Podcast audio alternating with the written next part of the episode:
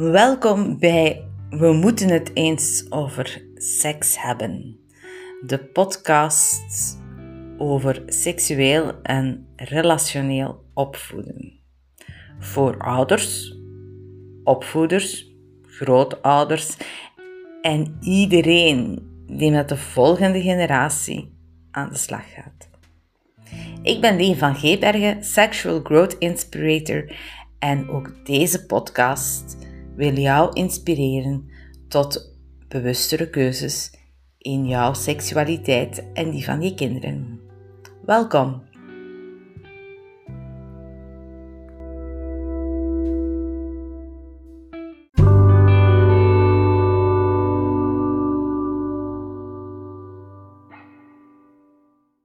Met deze eerste podcast over grensoverschrijdend gedrag begin ik weer aan een drieluik. En in dit eerste deel heb ik het over grensoverschrijdende interactie. Hoe kan grensoverschrijdend gedrag met de juiste ingesteldheid grensoverschrijdende interactie worden?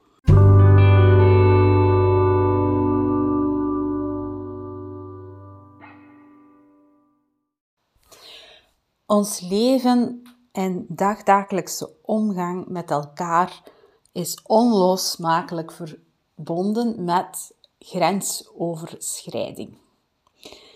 Misschien wel tientallen, misschien wel honderden keren per dag gaan wij bewust of onbewust over de grenzen van iemand anders en ook over die van zelf.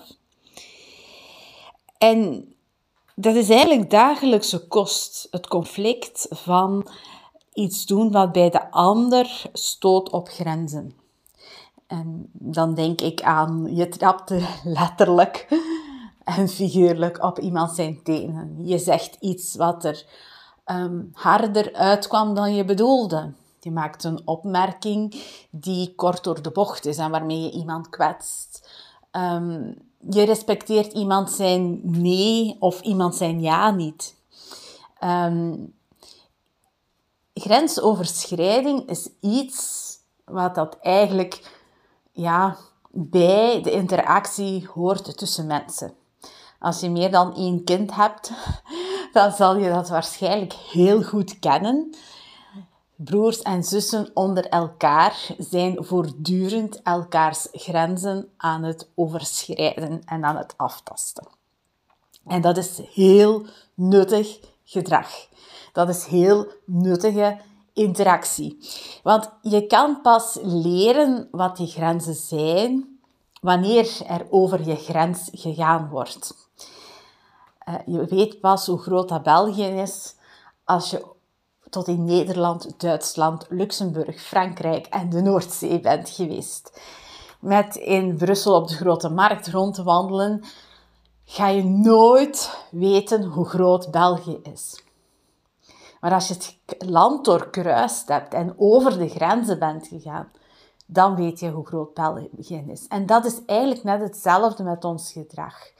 Pas wanneer wij ervaren dat onze grens overschreden wordt, dan pas weten wij, hier is onze grens. Als we daar altijd, of anderen, daar altijd ver vanaf blijven, dan zouden we nooit goed kunnen inschatten waar onze eigen grens is.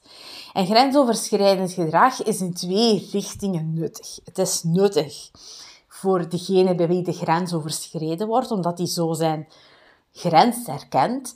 En het is nuttig bij degene die de grenzen overschrijdt, de overschrijder, de pleger, hè, zoals dat vaak genoemd wordt, omdat die eigenlijk op dat moment de kans krijgt om te leren hoe dat eruit ziet, grensoverschrijding. Als je elkaar goed leert kennen, dan ga je uh, veel beter kunnen inschatten waar de grens van een ander ligt en hoe de ander aangeeft dat de grens bereikt is. En daarom is het zo belangrijk dat uh, broers en zussen, maar ook uh, kinderen op school, uh, vriendjes en vriendinnetjes, eigenlijk, ja, ik noem dat wel eens, elkaar treiteren en fikvakken en, en, en ruzie maken, omdat zij op die manier leren waar hun grenzen liggen. En dat is dus super um, leerrijk. En dat gebeurt eigenlijk meestal onbewust. En we gaan niet met, heel vaak niet met opzet mensen treiteren. We gaan niet met opzet mensen um, ja, pijn doen. De meeste van ons hebben niet de bedoeling om anderen te kwetsen. Wanneer de grenzen overschreden worden, is dat heel vaak onbedoeld en onbewust. En eigenlijk onmisbaar daarin en heel belangrijk is dat er na de grensoverschrijding een ruimte is voor heling en genoegdoening. Heling wil eigenlijk zeggen dat je de kans geeft aan de pleger, aan de grensoverschrijder, om te zeggen sorry. Maar daarvoor moet je natuurlijk eerst aangeven dat je grenzen overschreden zijn. Dus die ruimte die er na het incident gecreëerd wordt om aan elkaar te kunnen zeggen: Dit was mijn grens. Sorry dat ik daarover ging. Die is eigenlijk onmisbaar. Nu, dat hoeft niet altijd een directe confrontatie te zijn. Vaak is dat ook voldoende wanneer er een vorm van genoegdoening is. En we kennen allemaal het, het, het, het, ja, de uitroep karma is a bitch. en daarmee bedoelen we heel vaak, stel nu maar, iemand doet u struikelen en valt dan zelf met zijn uh, gezicht op de grond. En dan zeggen wij, karma is a bitch. Eigenlijk wil je dan geen, hoef je dan zelfs geen excuses niet meer voor dat potje lappen. Want je denkt, haha, boontje komt om zijn loontje. Um, soms is het voldoende om je gelijk te krijgen. Om de, de erkenning te krijgen van de omstaanders of van de mensen in uw omgeving dat jij terecht hebt geklaagd over um, die grensoverschrijding. Mijn zoon had zo eens uh, zijn wiskundetaken uitgeleend aan iemand. En toen hij die twee dagen later terugvroeg, dan zei die persoon, ja, maar die ligt bij, de, bij mijn leerkracht. Waarop mijn zoon naar uh, die leerkracht is gestapt en gezegd heeft, ja, maar zeg, die zegt dat zij mijn taken heeft afgegeven aan u. En die, die leerkracht is in zijn papieren gaan kijken en die zei inderdaad, die heeft mij taken afgegeven waar ik eigenlijk van vermoedde dat dat niet klopte, want dat was niet haar handschrift en ze had de naam uitgedaan en haar eigen naam erop gezet. En hij heeft natuurlijk die eh, taken teruggegeven aan mijn zoon. En mijn zoon heeft nooit geen excuus gekregen van uh, die persoon die hem dat gelapt heeft. Maar er was wel genoeg deelneming, want ze heeft natuurlijk slechte punten gehad. Ze is hem ook nooit uh, meer iets komen vragen, maar ze heeft eigenlijk ook ja, nooit komen zeggen van, ja, nu heb ik u niet terug gehad, ik kan het u niet geven. En ze heeft, maar het feit dat die leerkracht hem geloofde, zorgde voor genoegdoening. Soms is het genoeg om de erkenning te krijgen. En, en dat is eigenlijk hetgene wat dat we heel vaak zien met vandaag, in, wanneer we het hebben over grensoverschrijdend gedrag, dan zie je heel vaak dat wanneer dat, dat leidt tot een klacht, dat dat heel vaak komt omdat die ruimte er niet geweest is voor die heling en die genoegdoening dat men eigenlijk ja, de situatie, het ongemak, het ongenoegen, het conflict heeft laten bestaan. En dan eigenlijk is dat als een soort van ja, etterbuil, hè? zoals een puist, hè, die daar staat pijn te doen. Hè? En dan op een dag ontploft dat. En, en, en de ontploffing zorgt ervoor dat men dan heel vaak bijvoorbeeld klacht gaat indienen bij de politie of bij een vertrouwenspersoon. En heel veel van die klachten, ben ik van overtuigd, zouden, over, ja, zouden eigenlijk voorkomen kunnen worden wanneer er een soort van ja, ruimte zou gecreëerd worden waarbij dat die twee mensen op dat moment die heling en genoegdoening kunnen uitspreken. Dat is trouwens een fout die heel vaak gemaakt wordt in het bedrijfsleven, uh, in, in, verenigingen. Dat is wanneer iemand komt klagen over grensoverschrijdend gedrag. Meestal is dat al heel laat, zijn er al verschillende incidenten gebeurd. Maar wanneer zo iemand komt die klacht indienen, dan is het heel vaak, ja, de baas zit daar dan, hè, wat moet ik nu doen? Een van de vrouwen komt mij zeggen dat, uh, dat de Erik aan een tik op haar billen heeft gegeven en ja, dat ze daar niet van gediend is, maar dat ze dat hem niet heeft kunnen duidelijk maken ja, dan staat er daar hè, als baas. Je moet dan een van je beste werknemers misschien gaan aanspreken op iets waar dat die misschien van gaat ontkennen dat er iets gebeurd is, of dat die gaat minimaliseren. En dus, ja, je voelt, we doen daar eigenlijk heel vaak dingen verkeerd. Als we dat zouden oplossen vanuit een, ehm, het creëren van ruimte om die heling en genoegdoening uh, te laten zijn. Als we ons broer en zus het met elkaar oneens zijn en ruzie maken, dan ga je als ouder heel vaak zorgen dat die ruimte er is.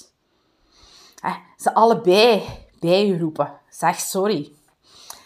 Wat is er gebeurd? En allebei een, het verhaal laten vertellen, hun versie laten vertellen.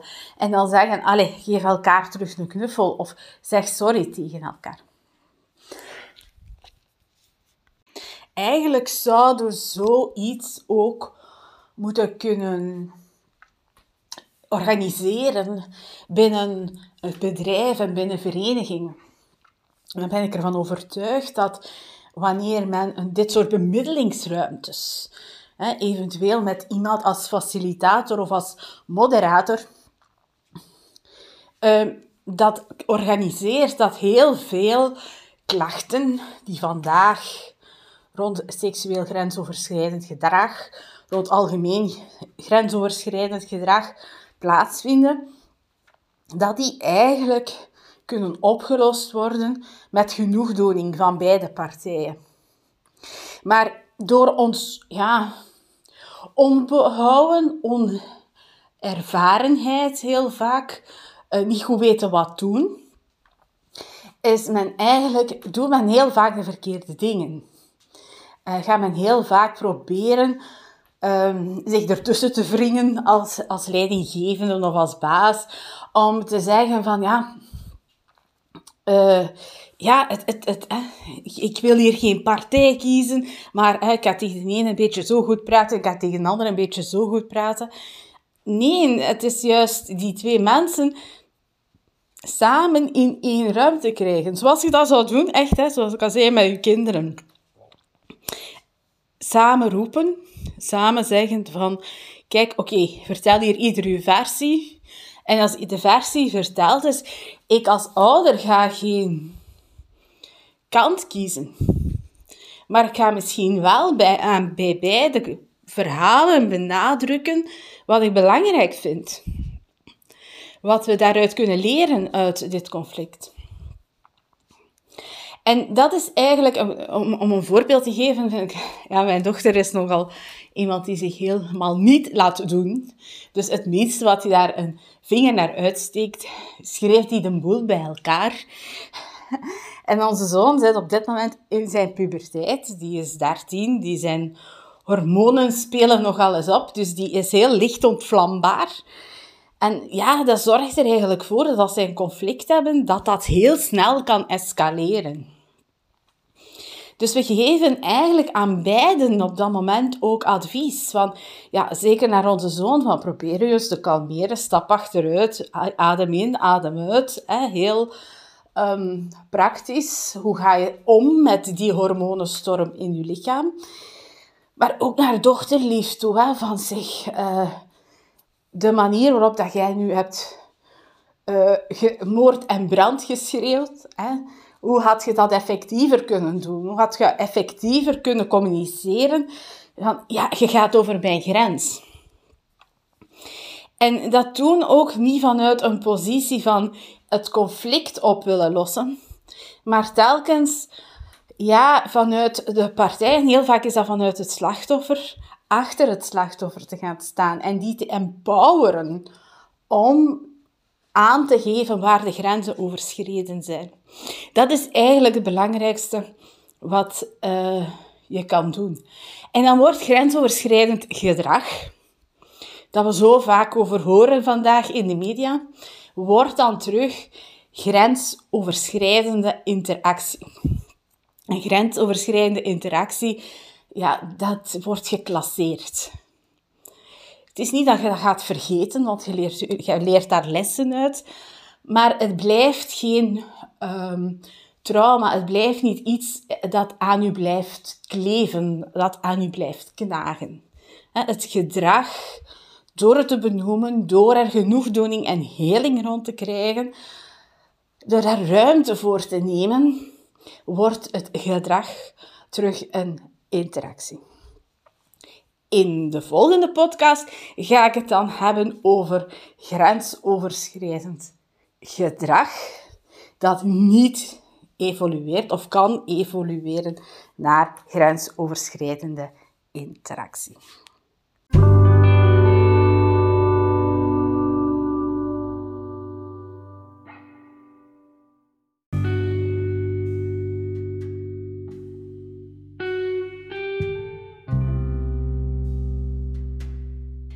Dit was weer een aflevering van de podcast We moeten het eens over seks hebben. Een podcast over seksueel en relationeel opvoeden, naar aanleiding van het derde boek van Leen van Geebergen, Sexual Growth Inspirator. Leen van Geebergen schreef eerder al vrij af over seksuele burn-out en relatiestatus geslacht. Over waarom dat we denken te falen in relaties, maar dat eigenlijk niet nodig is. Wil je meer weten over Leen en haar boeken? www.leenvangeebergen.be